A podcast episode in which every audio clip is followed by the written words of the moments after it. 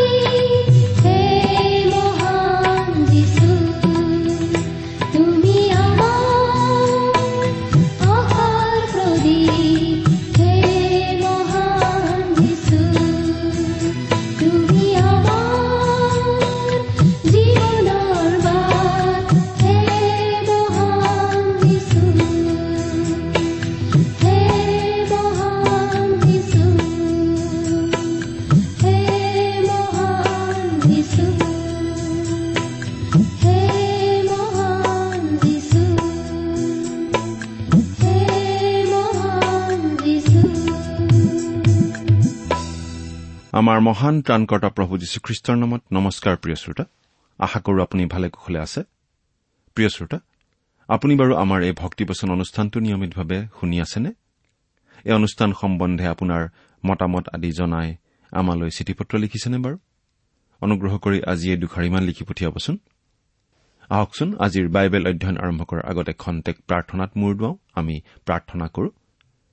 স্বৰ্গত থকা অসীম দয়ালু কৰুণাময় পিতা তোমাৰ তুলনা নাই তোমাৰ প্ৰেম তোমাৰ কৰুণা তোমাৰ অনুগ্ৰহৰ কথা আমি বৰ্ণনা কৰি শেষ কৰিব নোৱাৰো। প্ৰভু যীশুৰ যোগেদি তুমি আমালৈ যি অনুগ্ৰহ দেখুৱালা তাৰ বাবে তোমাক অশেষ ধন্যবাদ পিতা। এতিয়া আমি তোমাৰ মহান বাক্য বাইবেল শাস্ত্ৰ অধ্যয়ন কৰিবলৈ আগবাঢ়িছো। তোমাৰ বাক্য তুমিয়েই আমাক বুজাই দিয়া। এই অনুষ্ঠানৰ আৰম্ভণিৰ পৰা শেষলৈকে তুমিয়েই আমাৰ চলাওঁতা হোৱা। অনুষ্ঠান শুনি থকা প্ৰতিজন শ্ৰোতাৰ জীৱনত তোমাৰ মহান অনুগ্ৰহৰ আশীৰ্বাদ প্ৰকাশ পাই উঠিবলৈ দিয়া। কিয়নো এই প্ৰাৰ্থনা আমাৰ মহান ত্ৰাণকৰ্তা প্ৰভু যীশুখ্ৰীষ্টৰ নামত আগবঢ়াইছো।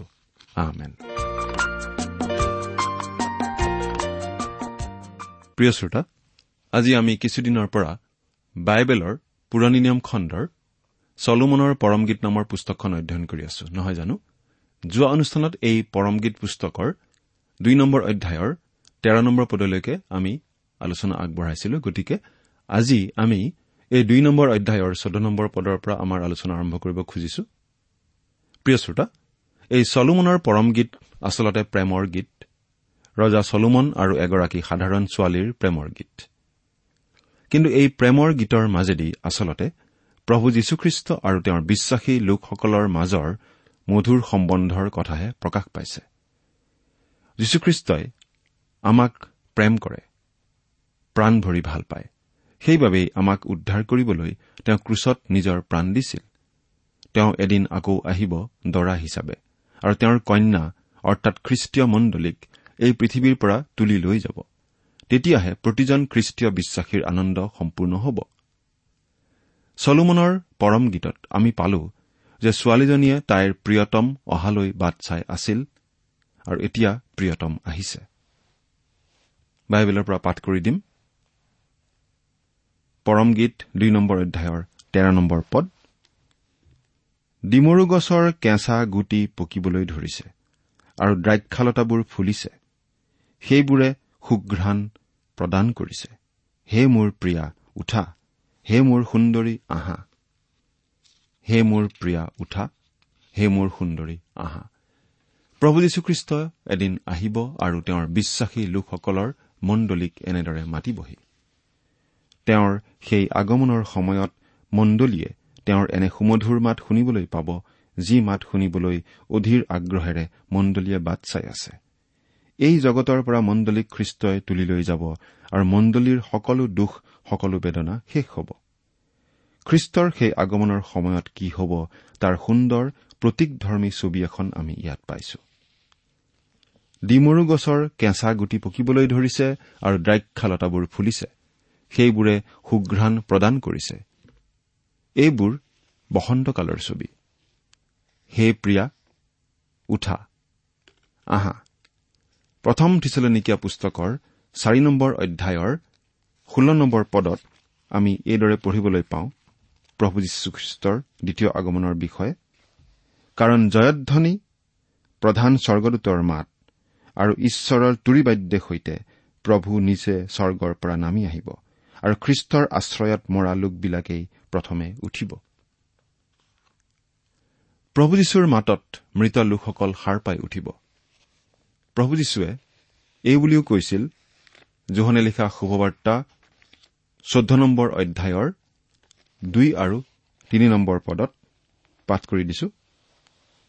মোৰ পিতৃৰ ঘৰত অনেক থকা ঠাই আছে।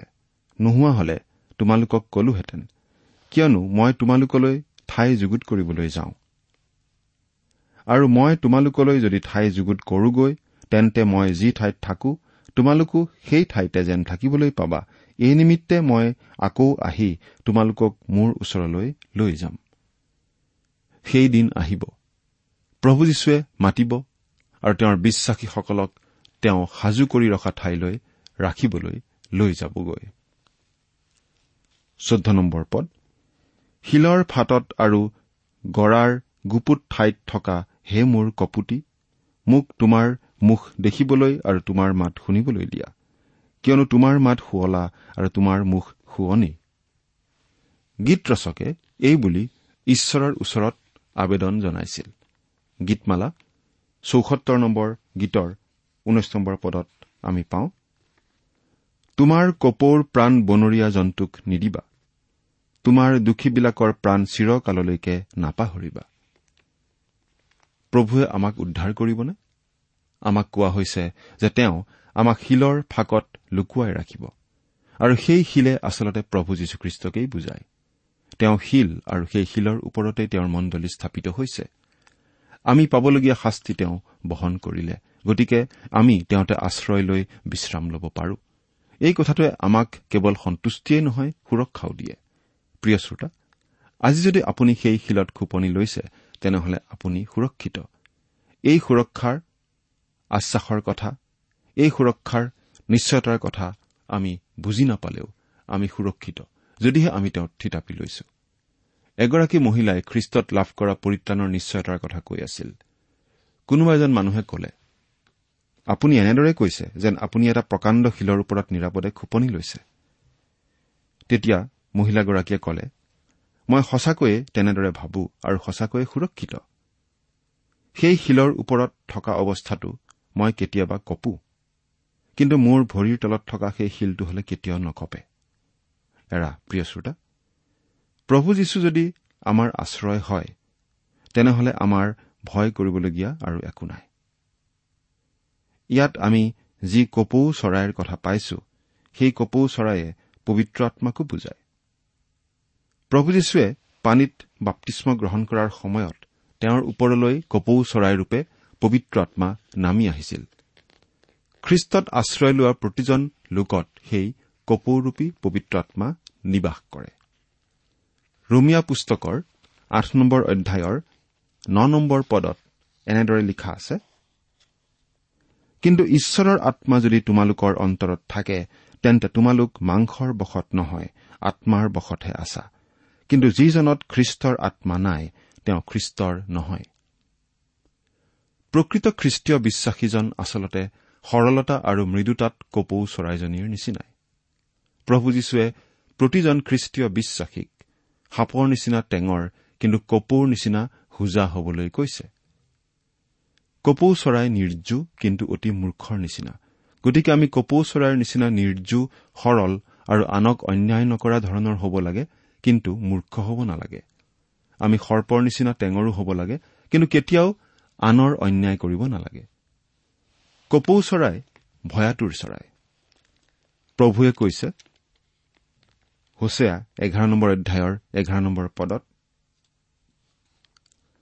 তেওঁবিলাকে কপি কপি মিছৰ দেশৰ পৰা পক্ষীৰ নিচিনাকৈ আৰু অচুৰ দেশৰ পৰা কপৌৰ নিচিনাকৈ আহিব জিহুৱাই কৈছে। মই তেওঁবিলাকক নিজ নিজ ঘৰত বাস কৰাম। গতিকে শিলৰ মাজত লুকাই থাকিবলৈ কপৌ চৰাই বিশেষ আশ্ৰয় স্থান লাগে। প্ৰভু যীশুখ্ৰীষ্ট আমাৰ সেই আশ্ৰয়স্থল কাৰণ আমাৰ সুৰক্ষাৰ বাবেই তেওঁ আঘাতিত হল। আমি পাবলগীয়া শাস্তি আমাৰ হৈ তেওঁ ললে সেইবাবেই তেওঁ আমাক সম্পূৰ্ণ সুৰক্ষা দিব পাৰে। পোন্ধৰ নম্বৰ পদ। তোমালোকে আমাৰ নিমিত্তে শিয়ালবোৰ দ্ৰাক্ষাবাৰীবোৰ নষ্ট কৰোতা সৰু শিয়ালবোৰ ধৰা।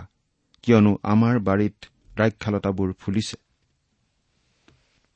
ডাঙৰ ডাঙৰ শিয়ালবোৰ দ্ৰাক্ষাবাৰীত নোসোমাবলৈ তেওঁলোকে জেওৰা বা বেৰ দিব পাৰিছিল কিন্তু সৰু সৰু শিয়ালবোৰক লৈ তেওঁলোকৰ সমস্যা হৈছিল। কাৰণ সৰু সৰু শিয়ালবোৰ সৰু ফুটাৰে সোমাই আহিব পাৰে। আৰু সেই শিয়ালবোৰে আঙুৰবোৰ খাই পেলায় আৰু কোমল কোমল গছবোৰ ভাঙি পেলায়। ইয়াতেই আমাৰ কাৰণে এটা ডাঙৰ বাৰ্তা আছে। শিয়াল মানে আচলতে আমি মন নকৰা আমি অৱহেলা কৰা সৰু সৰু পাপবোৰ। লগতে শিয়াল মানে সেইসকল লোক যিসকলে আনক অপথে নি ধ্বংস কৰে। এই দুয়োকো জোহন বাপ্তাইজকে পোহৰলৈ আনিছে। সৰু সৰু চকুত নপৰা পাপবোৰৰ বিষয়ে তেওঁ এনেদৰে কৈছিল।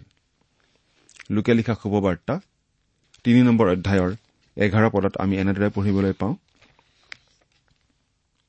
তাতে তেওঁ উত্তৰ দি তেওঁবিলাকক কলে যাৰ দুটা চোলা আছে তেওঁ চোলা নথকা মানুহে সৈতে ভগাই লওক। আৰু যাৰ খোৱাবস্তু আছে তেওঁ সেইদৰে কৰক। আকৌ তেৰৰ পৰা চৈধ্য নম্বৰ পদ। তেওঁ তেওঁবিলাকক কলে তোমালোকলৈ নিৰূপণ কৰাতকৈ অধিক কাঢ়ি নলবা। সেনাবিলাকেও তেওঁক সুধিলে বোলে আমিওনো কি কৰিব লাগে? তাতে তেওঁ তেওঁবিলাকক কলে কাকো অত্যাচাৰ নকৰিবা আৰু মিছা অপবাদো নিদিবা আৰু তোমালোকৰ দৰমহাতে সন্তুষ্ট হৈ থাকিবা।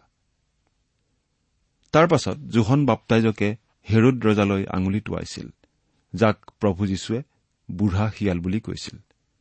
তেওঁ হেৰুদ ৰজাক কৈছিল যে আন মানুহৰ তিৰোতাগৰাকীক তেওঁ নিজৰ তিৰোতা কৰি ৰখাৰ কোনো অধিকাৰ নাই।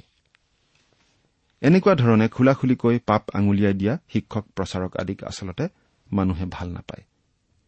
তেনেকুৱা মানুহ কেতিয়াও জনপ্ৰিয় নহয়। ৰজা হেৰুদেও জোহন বাপ্তাইজকক ধৰি বধ কৰোৱাইছিল। অৱশ্যে সৰু সৰু শিয়ালবোৰেহে আজি আমাৰ মাজত সোমাই সমস্যাৰ সৃষ্টি কৰি থাকে। সৰু সৰু পাপবোৰ খ্ৰীষ্টীয় বিশ্বাসীসকলৰ মাজৰ সহভাগিতা নোহোৱা কৰাত যথেষ্ট সক্ৰিয়।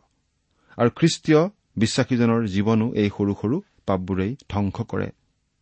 উদাহৰণস্বৰূপে এনেকুৱা কিছুমান পাপ আছে সেইবোৰ দেখাত আমাৰ পাপ যেন নালাগে। এই পাপনো কি বাৰু? এতেকে যিকোনোৱে সৎকৰ্ম কৰিবলৈ জানিও তাক নকৰে তাৰ পাপ হয়। জাকুব চাৰি নম্বৰ অধ্যায় সোতৰ নম্বৰ পদ। সৰু সৰু শিয়ালবোৰৰ মাজত ইও এটা। জানি বুজিও ভাল কাম নকৰাকৈ থকাৰ পাপ। আমি বহু সময়ত জানো যে ঈশ্বৰৰ কাৰণে কৰিব লগা কাম বহুত আছে কিন্তু আমি নকৰো। কৰিব লগা কাম বুলি জানিও আমি নকৰো। আমি যে কিমান এনেধৰণৰ পাপ কৰি থাকো কিন্তু আমি জানো যে প্ৰভু যীশুৱে কেৱল সৎকৰ্মই কৰি গ'ল। আমি কিন্তু কৰিব লগা কাম বুলি জানিও নকৰো। বহু সময়ত আমি কাৰোবাক উৎসাহ দিবলৈ কাৰোবাক সান্তনা দিবলৈ চিঠি এখন লিখিম বুলি ভাবো। কিন্তু নিলিখো পাহৰি যাওঁ। আমি মিছনৰ হকে কাম কৰিবলৈ মাজে মাজে চিন্তা কৰো কিন্তু কৰাৰ ক্ষেত্ৰত অৱহেলা কৰো। আমি আন কাৰোবাৰ বাবে প্ৰাৰ্থনা কৰাৰ প্ৰয়োজন আছে বুলি জানো কিন্তু কৰিবলৈ অৱহেলা কৰো। চমুৱেল ভাৱবাদীয়ে কোৱা এই কথা আমি পাহৰিব নালাগে। প্ৰথম চমুৱেল বাৰ নম্বৰ অধ্যায় তেইছ নম্বৰ পদ। ইয়াত এনেদৰে আমি পাওঁ মোৰ কথাত হলে মই যে তোমালোকৰ নিমিত্তে প্ৰাৰ্থনা কৰিবলৈ এৰাৰ দ্বাৰাই জিহুৱাৰ বিৰুদ্ধে পাপ কৰিম এনে নহওক। মই উত্তম আৰু সৰল পথ তোমালোকক শিকাম। এইবোৰ আমি কৰিবলৈ অৱহেলা কৰি থকা পাপ সৰু সৰু শিয়াল যিবোৰে আমাৰ দ্ৰাক্ষাবাৰীবোৰ নষ্ট কৰে। আৰু এটা সৰু শিয়ালৰ কথা চাওকচোন। ৰুমিয়া চৈধ্য নম্বৰ অধ্যায়ৰ তেইছ নম্বৰ পদ। ইয়াত আমি এনেদৰে পাওঁ কিন্তু সংশয় কৰাজনে যদি খায় তেন্তে তেওঁক দোষী কৰা হ'ল কিয়নো সেয়ে বিশ্বাসমূলক নহয়। আৰু যি যি বিশ্বাসমূলক নহয় সেই সকলোৱেই পাপ। বহু সময়ত আমি সন্দেহেৰে কাম কৰো। অৰ্থাৎ কামটো বেয়া নে ভাল সেই বিষয়ে আমাৰ মনত সন্দেহ থকা সত্বেও আমি কামটো কৰো।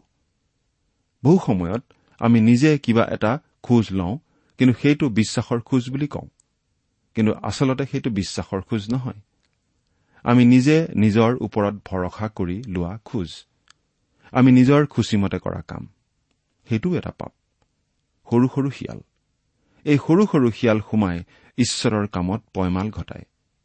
আমি সেই দুৰ্বল ইকৰাডালতে ভেজা দি থিয় হৈ থাকো আৰু আনৰ আগত নিজকে ধাৰ্মিক দেখুৱাই থাকো। আমি কওঁ মই এই কামটো কৰিছো কাৰণ ঈশ্বৰে মোক উদগাই আছে। কিন্তু সেই কথা সঁচা নহয় বুলি আমি জানো। সেই কথা আমি গুৰুত্ব নিদিয়াকৈয়ে কওঁ। কিন্তু আমাক সাৱধান কৰি দিয়া হৈছে যে বিশ্বাসে নকৰা কামেই পাপ। বিশ্বাসেৰে নকৰা কাম মানেই পাপ। ঈশ্বৰৰ লোকসকলৰ মাজত দেখা আৰু এটা সৰু শিয়াল হৈছে আনৰ প্ৰতি দেখুওৱা পক্ষপাতমূলক ব্যৱহাৰ। এই বিষয়ে জাকুবে এনেদৰে কৈছিল জাকুব দুই অধ্যায় ন নম্বৰ পদত চাওক। কিন্তু যদি পক্ষপাত কৰা তেন্তে পাপ কৰিছা। আৰু আজ্ঞা লংঘনকাৰী বুলি বিধানৰ দ্বাৰাই দোষী কৰা হৈছা। আমাৰ জীৱনত এনে অভিজ্ঞতা নিশ্চয় থাকিব পাৰে। এবাৰ এখন সভালৈ গৈছিলো ডাঙৰ সভা। কোনো এখন মণ্ডলীৰ জুবিলি আছিল। সভাৰ আগশাৰীত বহি আছিল চুট পেণ্ট পিন্ধা অতি প্ৰভাৱশালী লোক। কিন্তু একেবাৰে পিছত আমন জীৱনকৈ বহি আছিল বহুতেই চিনি নোপোৱা এজন ৰেভাৰেণ্ট এৰা প্ৰিয় শ্ৰোতা আমি প্ৰায়েই সমাজৰ ধনী প্ৰভাৱশালী ক্ষমতাশালী লোকক আগস্থান দিওঁ। কিন্তু দুখীয়া আৰু কোনো ক্ষমতা নথকা লোকক আদৰ নকৰো। আমাৰ মণ্ডলীসমূহ নষ্ট কৰা ইও এটা সৰু শিয়াল। আমাৰ মাজত এনেধৰণৰ পক্ষপাতমূলক ব্যৱহাৰ আমি থাকিবলৈ দিব নালাগে। তাৰ পাছত আৰু এটা সৰু শিয়াল হৈছে ঈশ্বৰলৈ মুক্ত হস্তে আৰু খোলা মনেৰে দান আগ নবঢ়োৱাটো যিমান দিব পাৰো সিমান নিদিয়াটো যেনেদৰে ভুল তেনেকৈ আমি যেনে হৰ্ষিত মনেৰে যেনে আগ্ৰহেৰে দিয়া উচিত তেনেকৈ নিদিয়াটোও ভুল। অন্তৰত বেলেগ ভাৱ ৰাখি আনৰ আগত বিৰাট ধাৰ্মিক ধাৰ্মিক দেখুৱাই দান দিয়াটোও ভুল। আমি গীত গাওঁ মই যীচুত সকলো সোধাই দিওঁ আৰু দান দিয়াৰ সময়ত পকেটত থকা আটাইতকৈ সৰু নোটখনহে দিওঁ। গতিকে আমি আচলতে মিছা গীত গাওঁ। আমি প্ৰভুক আমাৰ সকলো দান কৰাৰ ভাও দেখুৱাওঁ কিন্তু আচলতে আমি তাৰ ওলোটাটো ব্যৱহাৰ কৰো। আৰু সেইবোৰেই আমাৰ দ্ৰাক্ষাবাৰীবোৰ ধ্বংস কৰিছে। দৰাৰ আগমনৰ গীতৰ পাছতেই আমি আন এটা সুন্দৰ অভিব্যক্তি পাওঁ আৰু সেইটোৱে বুজায় মণ্ডলীক এই পৃথিৱীৰ পৰা উত্তোলিত কৰি নিবলৈ খ্ৰীষ্ট অহাৰ কথা। চলোমনৰ পৰম গীতে প্ৰভু যীশুখ্ৰীষ্ট আৰু তেওঁৰ বিশ্বাসকাৰী লোকৰ মাজৰ সম্বন্ধৰ চূড়ান্ত আম্মিক ৰূপটো বুজায়।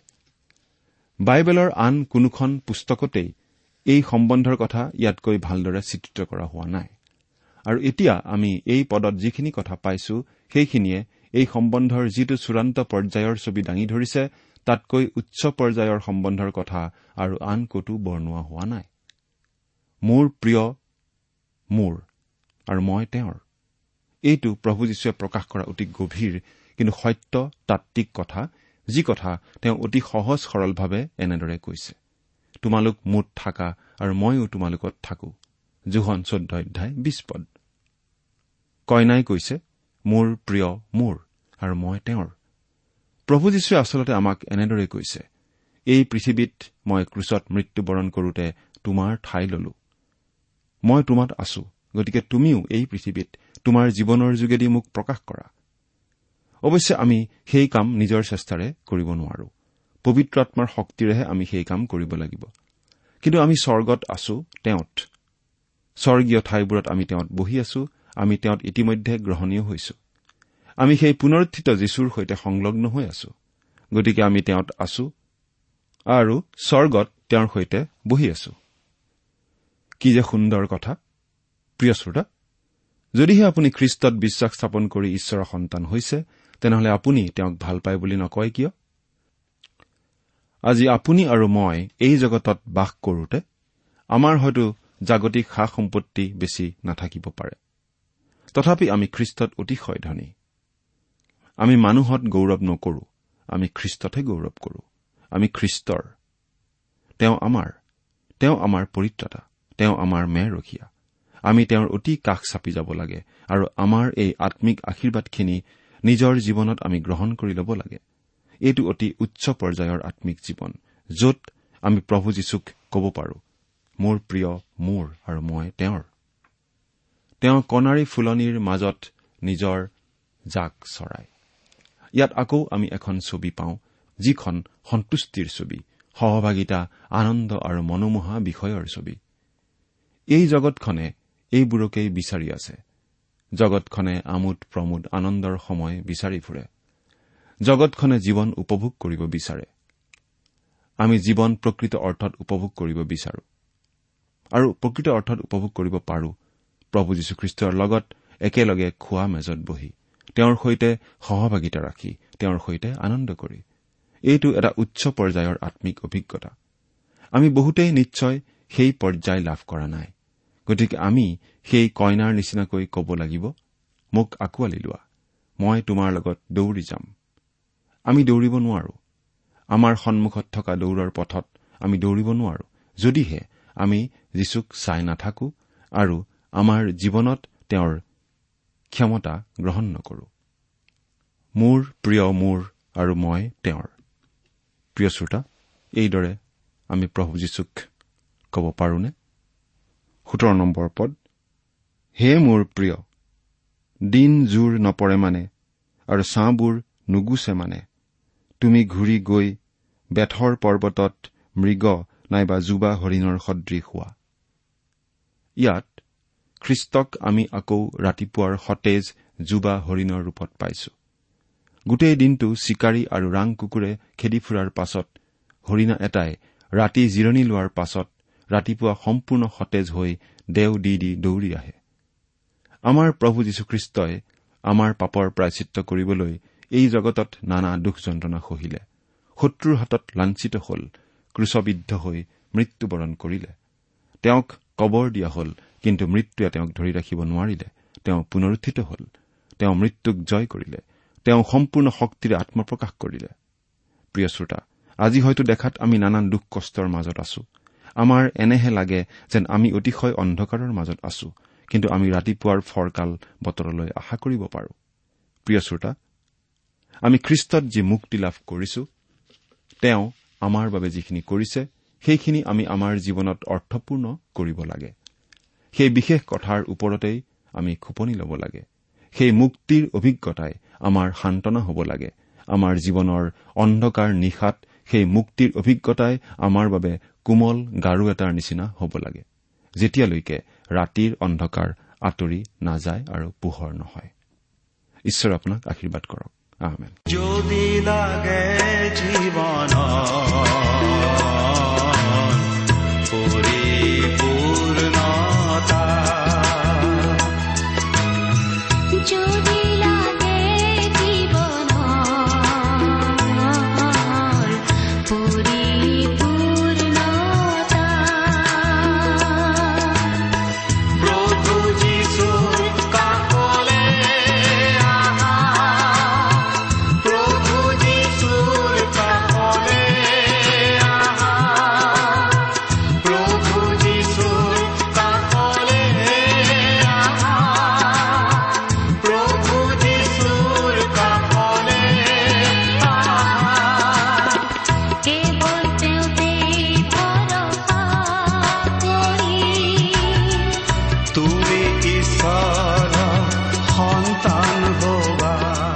ইমান পৰে আপুনি ঈশ্বৰৰ বাক্যৰ পৰা শিক্ষা শুনিলে। এই বিষয়ে আপোনাৰ মতামত জানিবলৈ পালে আমি নথৈ আনন্দিত হ'ম।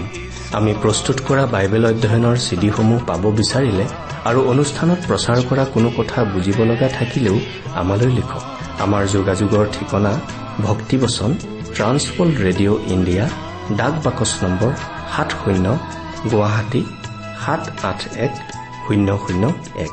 ঠিকনাটো আকৌ এবাৰ কৈছো ভক্তিবচন ট্ৰান্স ৱৰ্ল্ড ৰেডিঅ' ইণ্ডিয়া ডাক বাকচ নম্বৰ সাত শূন্য গুৱাহাটী সাত আঠ এক শূন্য শূন্য এক।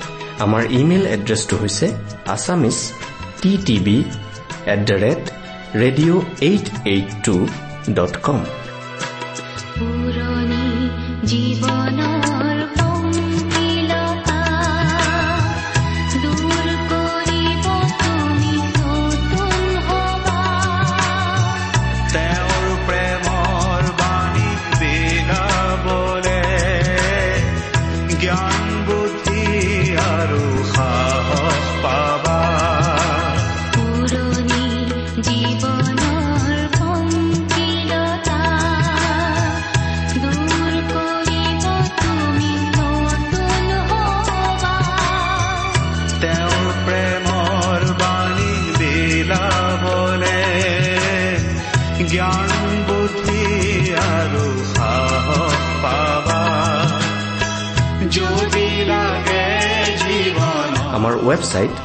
ডাব্লিউ আৰ ডট ইন আপুনি টেলিফোনৰ মাধ্যমেৰেও আমাক যোগাযোগ কৰিব পাৰে।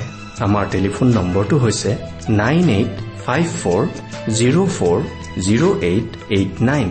Phone নম্বৰটো আকৌ এবাৰ কৈছো ন আঠ পাঁচ চাৰি শূন্য চাৰি শূন্য আঠ আঠ ন। আপুনি এই ভক্তিবচন অনুষ্ঠানটি আমাৰ website W W W dot radio' eight eight two dot কমতো শুনিব পাৰিব। আজিৰ অনুষ্ঠানটি ইমানতেই সামৰিছো। ঈশ্বৰৰ শান্তি আৰু অনুগ্ৰহ আপোনাৰ লগত থাকক। ধন্যবাদ।